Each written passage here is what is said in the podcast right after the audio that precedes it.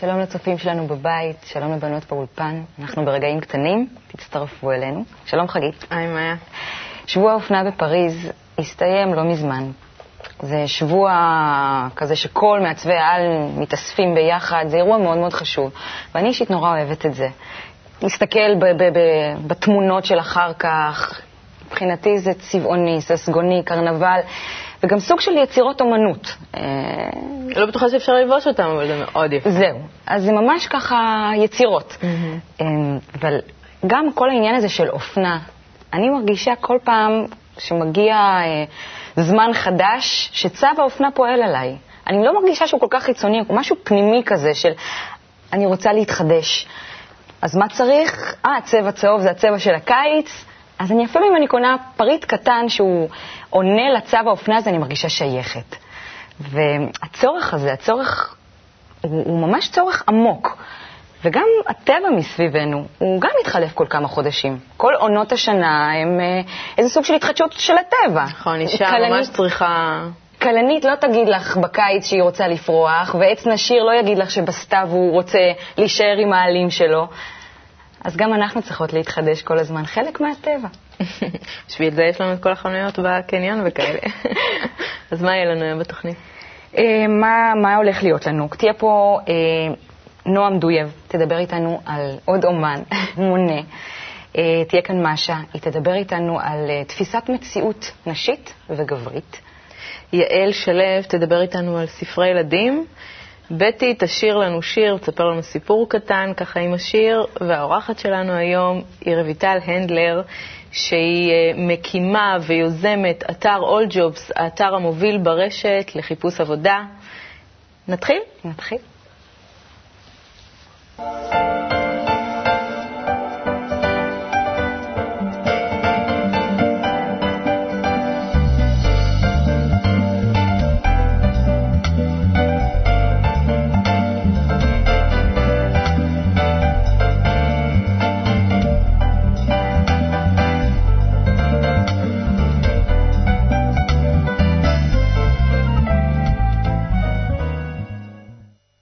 היי יעל, שלום. מה הבאת לנו היום פה? אני רואה הרבה ספרים. הרבה ספרים, והאמת שחיכיתי מאוד כבר לדבר על ספרים, כי ספרים זה משהו שאני מאוד מאוד אוהבת, שהילדים מאוד אוהבים, ויש לי הרגשה שהם uh, מתחילים להיעלם. זאת אומרת, מצד אחד מדפי הספרים בחנויות מתמלאים בספרים, מה שעושה את העבודה שלנו קצת יותר קשה, uh, אבל הספריות הביתיות uh, מצטמצמות, וזה לא בגלל שהספריות העירוניות שוקקות חיים. כן, יש משהו יותר וידאו, יותר, יותר- מחשב קצת אולי. יותר המון דברים שהם uh, כנראה גירויים בהם יותר uh, מיידיים, ויש לי גם איזשהו חשש שזה, שההורים יותר עסוקים, וספר uh, זה משהו שעד שהם יודעים לקרוא, חייבים אימא או אבא שיעשו תראה, אני איתם. כל יום פק"ל יושבת עם הילדים שלי לקרוא להם סיפור, וזה משימה.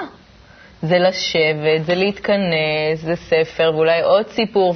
זה- יש לך יותר מילד אחד? יש לי שלושה ילדים, אז אחת כבר גדולה, והשניים, הוא רוצה ספר כזה והוא רוצה ספר כזה, וגם מבחינת ההוראה זה באמת, את יודעת, זה איזשהו שואו, את עושה להם קולות, זה... אז קודם כל זה נפלא שאת אה, באמת אה, עושה את כל הדברים האלה, כי נורא חשוב אה, בספר שהוא יהיה חי. זה לא להתיישב עם הספר, להעביר את המילים ולהמשיך הלאה. שזה הנטייה שלנו לפעמים. לפעמים אה, בואו נקריא לך אותו מהר, ו... נדלג כמה דפים. אז, אה, אז לא. הספר הוא באמת אה, הזדמנות נהדרת גם לשבת ביחד, אבל ספר הוא קצת יותר מרק הסיפור שלו. ספר הוא עוד אה, הזדמנות להתחיל אה, לדבר על עוד דברים, על הציורים, להסביר דברים, לשאול שאלות. אבל לפני זה הוא הכי הכי פשוט כיף.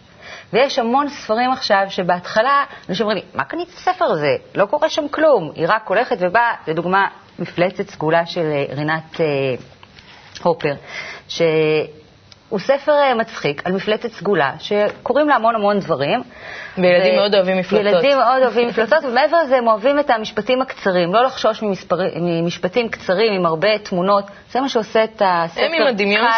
לילדים ולהמשיך איתו הלאה. וגם מאפשר להם ללמוד אותו בעל פה, והם כבר הופכים להיות אה, שותפים אה, להקראה. אז אני אומרת, רק לא להיצמד למילים כל הזמן, אלא לנצל אותו כהזדמנות לעוד ועוד למידה, ולזכור שזה פשוט כיף. Mm-hmm. שספר הוא כיף ואפשר ליהנות ממנו ומהביחד שאיתו. אבל אמרתי מקודם על להתכונן עם הספרים, יש ספרים שהם אה, מקסימים, שהם גם יש סופרים שאנחנו מאוד מעריכים, אבל אנחנו חייבים להכיר את הסיפור קודם. Mm-hmm. כי יכולים להיות כל מיני דברים שאנחנו צריכים להיות מוכנים עם ההסבר שלהם, mm-hmm. או אם הם לא כל כך נראים לנו המציאות הנכונה, שנוכל לדייק אותה. אני לא אומרת שבגלל זה צריך לפסול ספר, רק להגדיל את התיווך שלו, ושנהיה מוכנים עם עצמנו עם התשובות. מה לגבי מסרים? מסרים צריך, אה, יש ספרי, אה, ספרים שהם מוגדרים כספר מסר, צריך להיזהר ממסרים אה, מסתתרים. כשאנחנו קוראים ספר להנאה, ספר שאני מאוד אוהבת, הדודה מיכל של מאיר שלו, והוצאת עם עובד, ויש שם דברים קטנים, היא מספרת על מיכל שהייתה ילדה מאוד שובבה, ואחותה שהייתה נהדרת, והיא אומרת, אבל מיכל, מיכל היא לגמרי אחרת. תמיד עם גבס ועם יוד, חבורות ושריטות וברכיים פצועות. מי התחתן עם בחורה עם כל כך הרבה צלקות? זה כאילו, אז אני נעצרת. אז בסדר, אז זה שוב להסביר, זה כמו הנסיכה, מי שיציל את הממלכה יתחתן עם הנסיכה. מסרים על אה, נישואים, על יופי. אז להיכנס, לחדד, להסביר. פעם, אנשים, קל לנו להתייחס ליופי, אבל זה באמת מה שחשוב, אז זו הזדמנות uh, לדבר על, ה, על הדברים האלה. כל הזמן, שיהיה סוג של תיווך, את אומרת. כן, ולא, לא, ואם יש ספר שאנחנו לא יכולים להתמודד איתו, לדוגמה, אני קוראת את הספר הזה, הוא מספר על הדודים. היא מגיעה לחתונה והיא יושבת עם הדודים, ואז הדודות מדברות על הדודים. שהדוד אפרים לובש שמלות, שהדוד יוסי נעלם בלילות, שהדוד מאיר חושב שהוא בחור צעיר, והבעיה הכי קשה היא הדוד יהושע, שכל שנה מופיע עם דודה חדשה. לכי עכשיו תפתרי את כל הדודים האלה. אז את מדלגת על העמוד. אז זה או לדלג, או לשים בצד, או להיות מוכנים עם הסברים, אבל באמת שנהיה אה, בשלים איתם. ספר אה, חדש שאני מאוד אוהבת זה פלא שלא נגמר, שיצא בהוצאת אה, קבלה לעם. והוא באמת ספר שהוא אסוף, אסופה של סיפורי מסרים.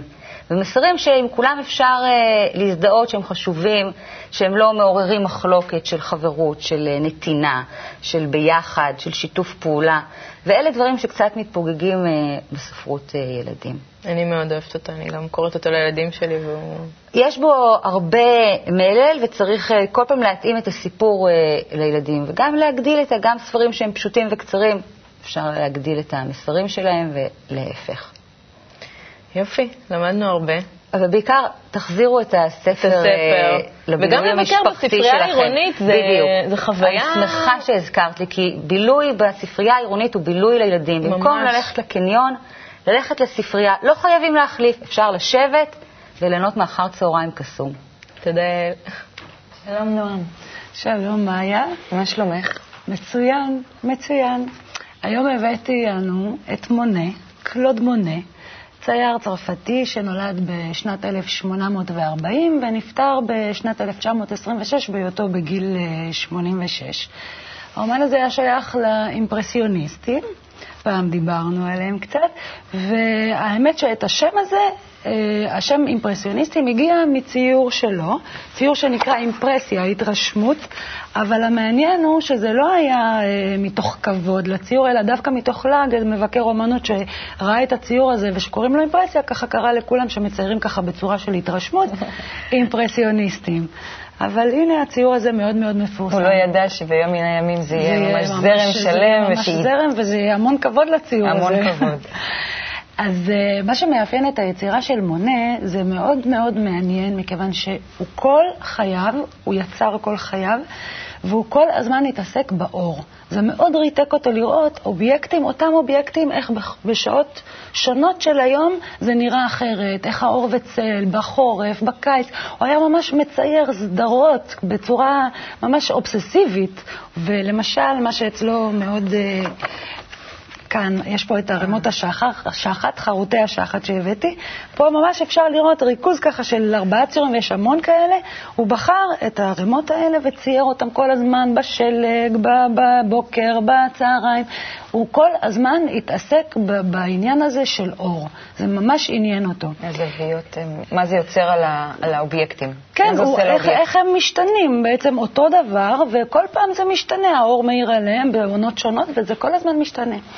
האמת שמונה, הוא לא התפרסם בגיל אה, מאוד צעיר, ההפך, הוא ממש חי חיי עוני, בשביל להמשיך ולצייר, הוא חי חיי עוני, הוא לא זכה להכרה, ממש דחו אותו כל הזמן, ולא אהבו את הציורים שלו, אני לא מבינה למה, כי אני מאוד מאוד אוהבת, אבל... הרבה אומנים כאלה. כן, אבל בסופו של דבר, בגיל, אה, בסביבות גיל 55, סוף סוף הוא זכה להכרה ומאוד העריכו אותו, הוא מאוד התפרסם והיה לו הקלה מאוד משמעותית בכסף, ואז הוא קנה את הגן, מה שכולם מכירים, או לפחות שמעו על זה שיש את מוזיאון מונה בגן שלו, ש-30 שנה האחרונות של חייו, הוא צייר בגן הזה, ושם הוא גידל אה, את החבצלות מים המאוד מאוד מוכרות שלו. כן. כל מי שאומרים לו קולות מונה אומר, אה, חבצלות מים. גם אני מזהה את זה. אז זהו, אז זה היה באמת בבית שלו, בגינה שלו, בגן שלו. זה גן היה עצום של כמה דונמים.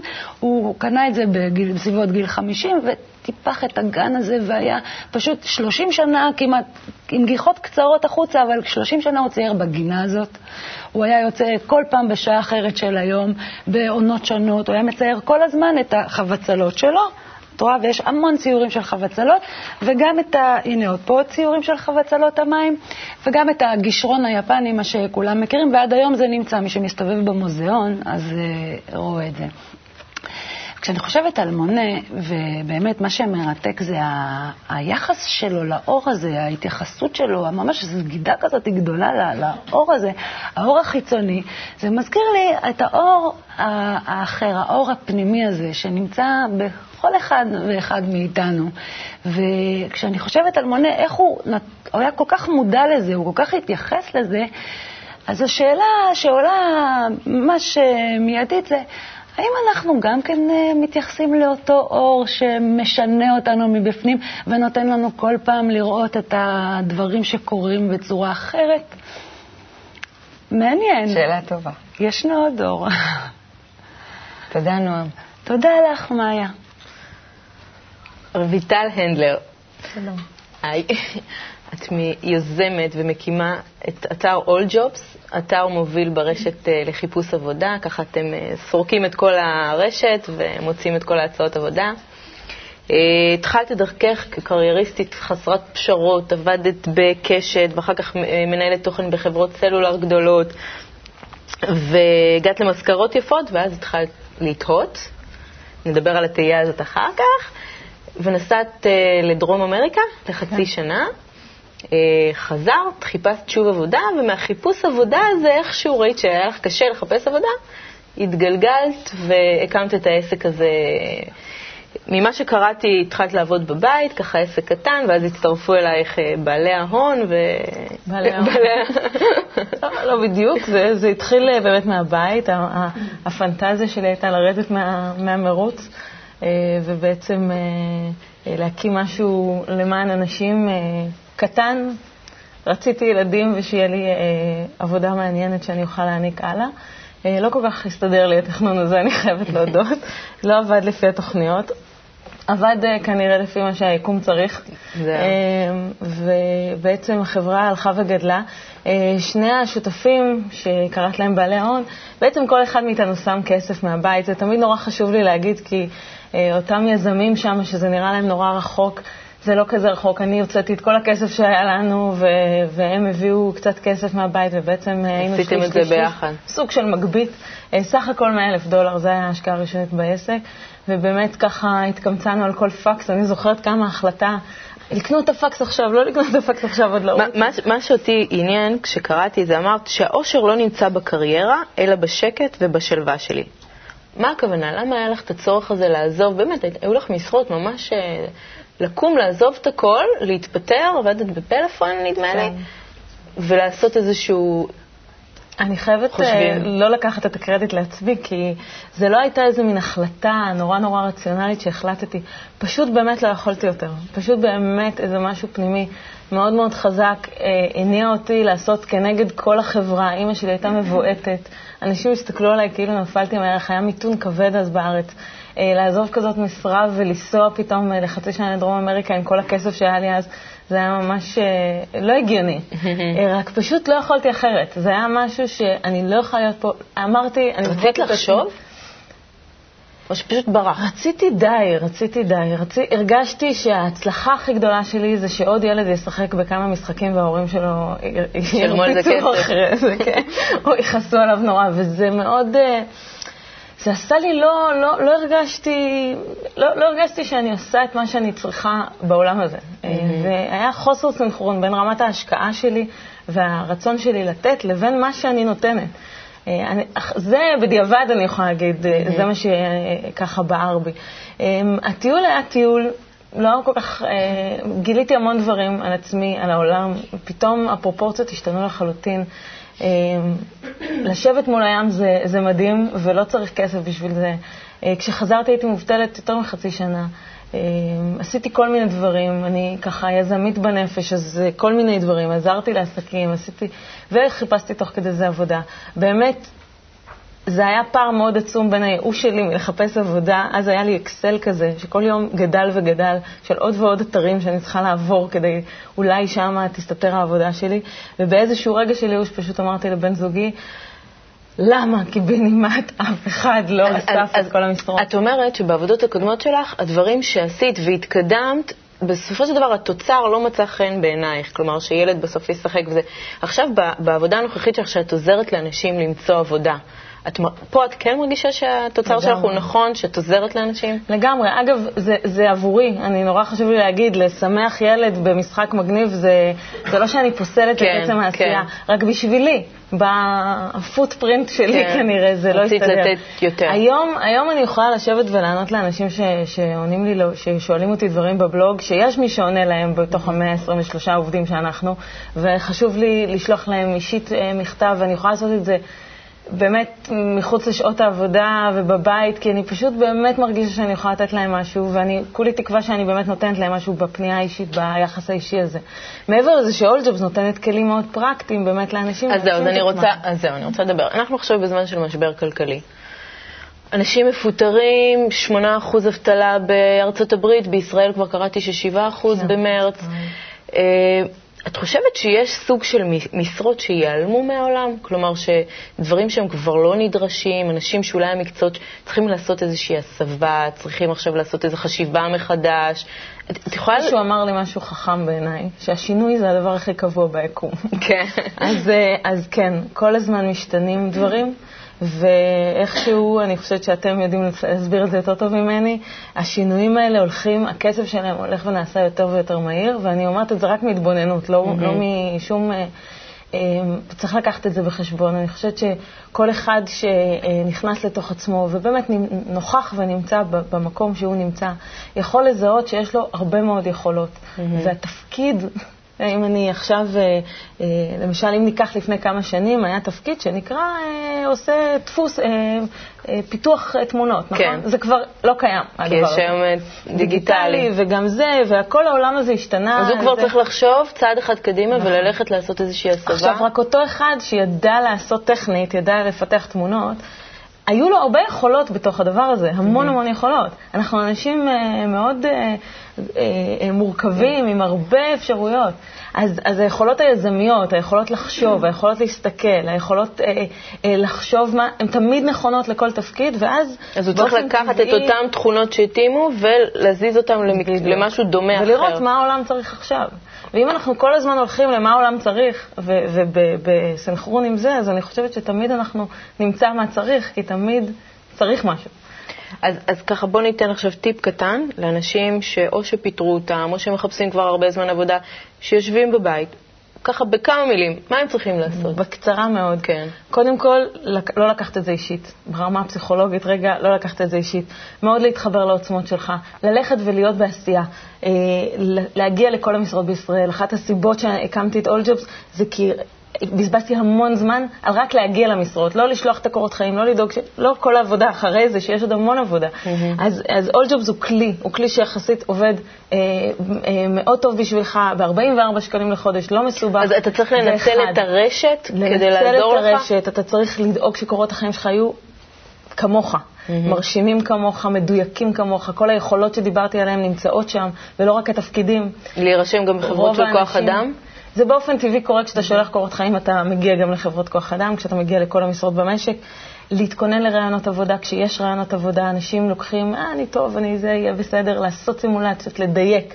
לדייק, mm-hmm. זה, זה אולי המילה הכי מדו, אה, חשובה שאני יכולה להגיד, להסתכל על המשרה, לא לבוא לראיון out of the nowhere ולא לדעת, אותה, לחקור לדעת. את החברה, לחקור את המשרה, להבין מה הם מחפשים, לנסות להסתכל דרך העיניים שלהם על מה הם מחפשים, לעשות נטוורקינג, להיפגש עם הרבה אנשים, לא להתבייש. ולא אנשים- להתייאש, זה ולא הכי חשוב. להתייאש ולא להתבייש. ו- וממש לבוא לאנשים, להגיד להם וליזום. המון דברים אפשר ליזום מעצמך, אתה רואה שמשהו יכול לקרות. קרה לי דבר נורא יפה, אני אספר. אה, אה, מישהו פנה אלינו, פנסיונר, שאמר, למה אתם לא משווקים את עצמכם בלשכות התעסוקה? אני רוצה לעשות את זה בשבילכם. ונתנו לו, ככה הכנו לו גלויות, נתנו לו, והוא היום מקבל. משכורת. וזו יוזמה לגמרי של פנסיונר שבא ואמר, למה אתם לא עושים את זה? תנו לי לעשות את זה, הנה אני עושה את זה. כלומר, לקחת יזמה אישית, לגמרי. לא לפחד. וכל שינוי בסופו של דבר מביא איזשהו משהו טוב. נכון. אז עכשיו אנחנו נעבור לחלק השני של הרעיון. אוקיי. זה שאלון אה, פינג פונג, אני שואלת שאלה, את עונה לי במילה או אוקיי. שתיים. מה הדבר הכי טוב שאפשר להגיד עלייך? וואו. אמ, אני מקווה שאני מעוררת השראה. אני מקווה ש... אה, שאני שם בשביל אנשים, שאני נוכחת עם אנשים ומה שזה לא יהיה. מה החולשה הכי גדולה שלך? שאני מנסה לרצות כל הזמן. מה מצחיק אותך? החיים, מה מוציא אותך מדעתך? וואו. אה, בזבוז אנרגיה על דברים הלא חשובים. אה, כשאנשים מנסים להוריד ידיים ולהתחרות במקום לעשות משהו טוב לעולם, זה מוציא אותי מדעתי. כשהיית קטנה, מה רצית להיות? האמת, אשת אשכולות. כן, זה הזוי. אה, למדתי יום אחד את המילה הזאת ואמרתי, זה מה שאני רוצה להיות. אני חושבת שלא הבנתי בדיוק מה זה, אבל זה מה אשת שרציתי אשכולות. להיות. איפה תהיי בעוד עשר שנים? אין לי מושג. זה מתחבר לאשת טוב. אשכולות? אין לי מושג. טיפ קטן שלא קשור לעבודה, למקצוע שלך, לחיים טובים. בשתי להיות, מילים. פשוט להיות. להיות. תודה, רויטל. תודה לך, היה לי כיף.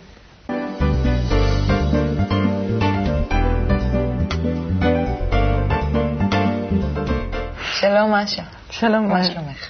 בסדר, מה נשמע? בסדר גמור. מסקרן אותי תפיסת המציאות של גברים ונשים. מה ההבדל? תראי, זה, זה טוב, בטוח שיש הבדל. סיבה ל-90% מהריבים שלנו, שאני רואה את העולם ככה, והוא רואה את העולם אחרת לגמרי. אני אתן לך דוגמה, בסדר? אני אתן לך דוגמה, זה הכי טוב לך עם דוגמה. במיוחד- ביום- במיוחד איתי. ביום שישי אני חוזרת הביתה, ובעלי היה אמור להביא את הילדים מהגן, כי נתקעתי בתל אביב והייתי בדרך, והיה לי יום כל כך קשה. ואני חשבתי, טוב, הוא מביא אותם הביתה, הוא משכיב אותם, אני אבוא הביתה, הם כבר ישנו, אני אשתה קפה, אני קצת... אני חוזרת, נכנסת הביתה, ילדים קופצים על המיטות, והוא יושב לידם, אומר להם, לכו לישון. לכו לישון. והכל כזה הפוך, והם קופצים, ואני יודעת שכבר זהו, פספסנו את הרגע שהיה אפשר להשכיב אותם, כי זהו, זה כבר נגמר. ברגע שמתחילים לקפוץ על המיטות זה נגמר. עכשיו, כבר באתי ככה לצעוק ולריב, ועצרתי את עצמי ברגע האחרון. וניסיתי להסתכל על איך זה נראה עכשיו בתפיסת המציאות שלי, ואיך, זה נראה בתפיסת המציאות שלו. מה אני חושבת? אני חושבת, בא לי כל כך שפעם אחת מישהו יחליף אותי, שיעשה את מה שאני הייתי אמורה לעשות במקומי, שבזמן הזה שהוא עם הילדים, הוא ישכיב אותם, הוא יביא להם לאכול, הוא יקלח אותם אם צריך, ופשוט הכל יזרום בלעדיי כמו שזה היה אסור אמיתי. מה הוא חושב? אני צריך לשמור על ילדים. אם הם חיים, אני שמרתי עליהם. זאת אומרת, גברים הם מאוד ישירים בכל דבר. אין להם, את ה, אין להם את ההבדלים כמו אצלנו בין רצון לבקשה, למילוי, לשמחה. זאת אומרת, אנחנו לא ברור מה אנחנו רוצות, אחר כך אנחנו מבקשות משהו ובאמת מצפות למשהו אחר שיקרה, אנחנו מקבלות, ולא מבסוטיות כמובן, כי זה לא מה שאנחנו רצינו, והכל כזה מסובך, ומתי אנחנו כבר מבקשות את מה שאנחנו בדיוק רוצות? וזה משהו שבעיקר אנחנו צריכות לעבוד עליו. זה דבר שהוא מאוד קשה. ואנחנו לא נשנה עכשיו את מה שאנחנו, את תפיסת המציאות שלנו, שאנחנו תמיד חושבות שהגבר צריך עכשיו להבין מה עובר לי בראש. זה דרך אגב לא יקרה בחיים. אבל אנחנו צריכות להבין שהתפיסת מציאות שלו היא שונה לגמרי. ואם זה בא לידי מצב כזה שאנחנו בדיוק באים לריב, אז לחשוב לרגע, זה תמיד מציל את המצב, לחשוב לרגע איך הוא רואה את זה עכשיו. כמו בדוגמה שלי, שהוא, אה, תשמעי, בקיצור, אני הבאתי אותה מה- מהגן. הוא רואה שחור לבן, ואנחנו רואות יותר אה, בפרטים, איך כן, אנחנו אמורות אבל להוביל אותם זהו, לקראת השינה אבל- בדרכים... אה, זהו, אבל זה אפילו לא חשוב איך אני ואיך הוא, פשוט איכשהו זה שונה. כן. זה שונה לגמרי. זאת אומרת, בכלל זה לא- הרבה יותר לא חשוב ישר, איך הוא, הרבה אלא- יותר פשוט. פשוט לשתק את, את עצמי לרגע ולחשוב איך הוא בעצם רואה את זה. הוא רואה את זה, אני ילד טוב, אני הבאתי אותם מהגן. הם חיים, הם בריאים, אף אחד לא הרג את עצמו, אז יש קצת בלאגן, שמחים. אז יש קצת, אבל כולם שמחים והכל טוב. והוא כל כך מאושר עם עצמו, אז בואו לא נהרוס לו את זה. ואולי גם נצטרף. ואולי גם נצטרף פעם אחת לקפוץ על המיטה. תודה רבה, משה. תודה, מאיה. בטי, בטי תמיד יש לה נטייה ככה לסחוף אנשים לתוך שיחה מעניינת. הייתה לך אתמול הופעת בכורה על האלבום השלישי שלך במועדון הברבי בתל אביב, אז קודם כל מזל טוב. תודה רבה. קצת עייפה. אה, האמת, אני עוד באדרנלין, אני ישנתי אמנם שלוש שעות אה, לפני שהגעתי לכאן, אבל אה, נשאר לי מספיק אדרנלין גם לתת את כל האנרגיה הטובה הזאת גם לכם. אז מה את מספרת לנו היום ומה את שרה לנו? אני מספרת על מקום דווקא ששירים שלי הרבה פעמים נולדים מהם, דווקא מהלבד, מהרגשת הלבד. שהרגשת הלבד אה, מבחינתי זה משהו פנימי, כי אני יכולה להיות מוקפת אנשים ועדיין להרגיש לבד, ובאותה מידה אני יכולה להיות לבד ולהרגיש כאילו העולם אה, מושלם ו- ואני מלאה ו- ולא חסר לי שום דבר, ואני מרגישה גם אה, שגם אם אני רחוקה ממישהו, אני ארגיש אותו, אני ארגיש איתו. זאת אומרת, ה- הביחד לא תלוי בשום דבר, זה רק הרגשה פנימית. זה רק הרגשה פנימית. ואחד הדברים, אחד היתרונות לפעמים, כן? היתרון בעצם היחיד, אני חושבת, בלבד, זה שיש לך זמן לבחון את עצמך ול, ולגלות גם אה, כמה בעצם הביחד הוא חשוב, אני חושבת. כמה אנשים סביבך הם אה, חשובים לך. אז אני כתבתי שיר שבעצם דווקא מהלבד הזה גיליתי את ה... שאת צריכה את הביחד. שאני צריכה את הביחד, ושאני דווקא מוקפת בהמון ביחד. אנחנו כל הזמן מוקפים. לפעמים אנחנו פשוט לא רואים. לא רואים. את יודעת, משהו קטן ככה. הרבה פעמים יצא לי, אה, אני גרה ליד פארק הירקון, ולפעמים ככה יש את הזמן הזה שאני לא נמצאת עם חברים או חברות, והרגשת הבדידות לפעמים עולה. אני לוקחת צמיחה, ספר, הולכת לפארק, קוראת ספר, גומרת את מה שאני צריכה, פשוט נשכבת, נרדמת ומרגישה שאני הכי מוגנת בעולם, כי סביבי נמצאים כל הזמן משפחות וילדים, אני לא מרגישה לבד. תודה, בטי. אז תכף תשאירי לנו, אני הולכת לסכם עם מאיה את התוכנית. אוקיי. חגית, כן. את יודעת, רויטל אמרה משהו שבעיניי, שני דברים מאוד מאוד חשובים. קודם כל, הכנה. מהמם. הכנה זה הדבר הכי חשוב. וזה לא משנה אם זה למצוא עבודה, זה לכל דבר. אם את עושה הכנה טובה של מה, לאן את הולכת ואיזה מה את מביאה איתך, זה בדרך כלל, אה, את יכולה להשיג את מה שאת אה, רוצה. והיא אמרה דבר נוסף על הייחודיות של כל אחד. ואולי באמת זה מה שטוב, אה, היא יכול למשבר הזה אולי לעזור, אולי. שאם כל אחד יסתכל על הייחודיות שלו, ויראה במה הוא טוב ומה הוא מיוחד, ומה הוא יכול אולי לעבוד בדבר שהוא כישרוני בו, אה, העולם מסתדר ככה טוב, ולא כולם ירוצו לאותן משרות או לאותם דברים. זאת אומרת, אולי ברגע שמפטרים אותך, כדאי לך לעצור לרגע ולהגיד, רגע, מי אני? כן, מה אני רוצה? מי אני בעצם? מה, מה אני באמת יכול לעשות ו... לקרוא לנו? כן. האמונה אינה עוקרת הרים ממקומם, אלא מציבה אותם במקומות שאין בהם הרים כלל. פרידריך ניטשה. יפה. אמונה. אני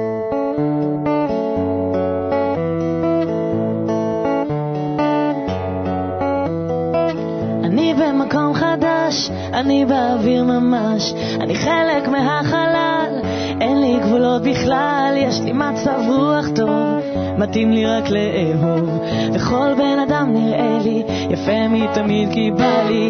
העולם סביבי,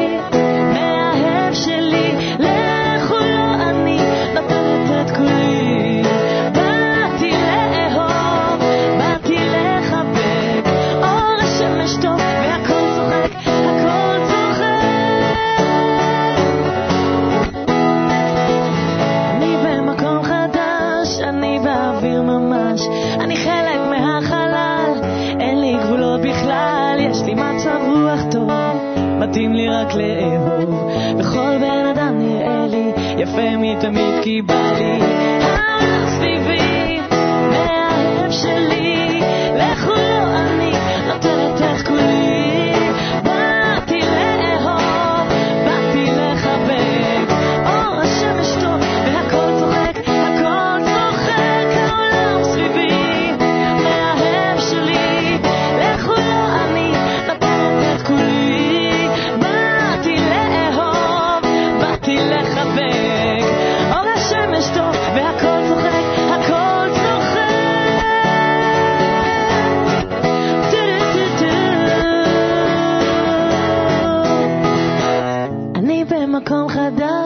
אני באוויר ממש, אני חלק מהחלל, אין לי גבולות בכלל, יש בי מצב רוח טוב, מתאים לי רק לאהוב, וכל בן אדם נראה לי יפה מתמיד כי בא לי.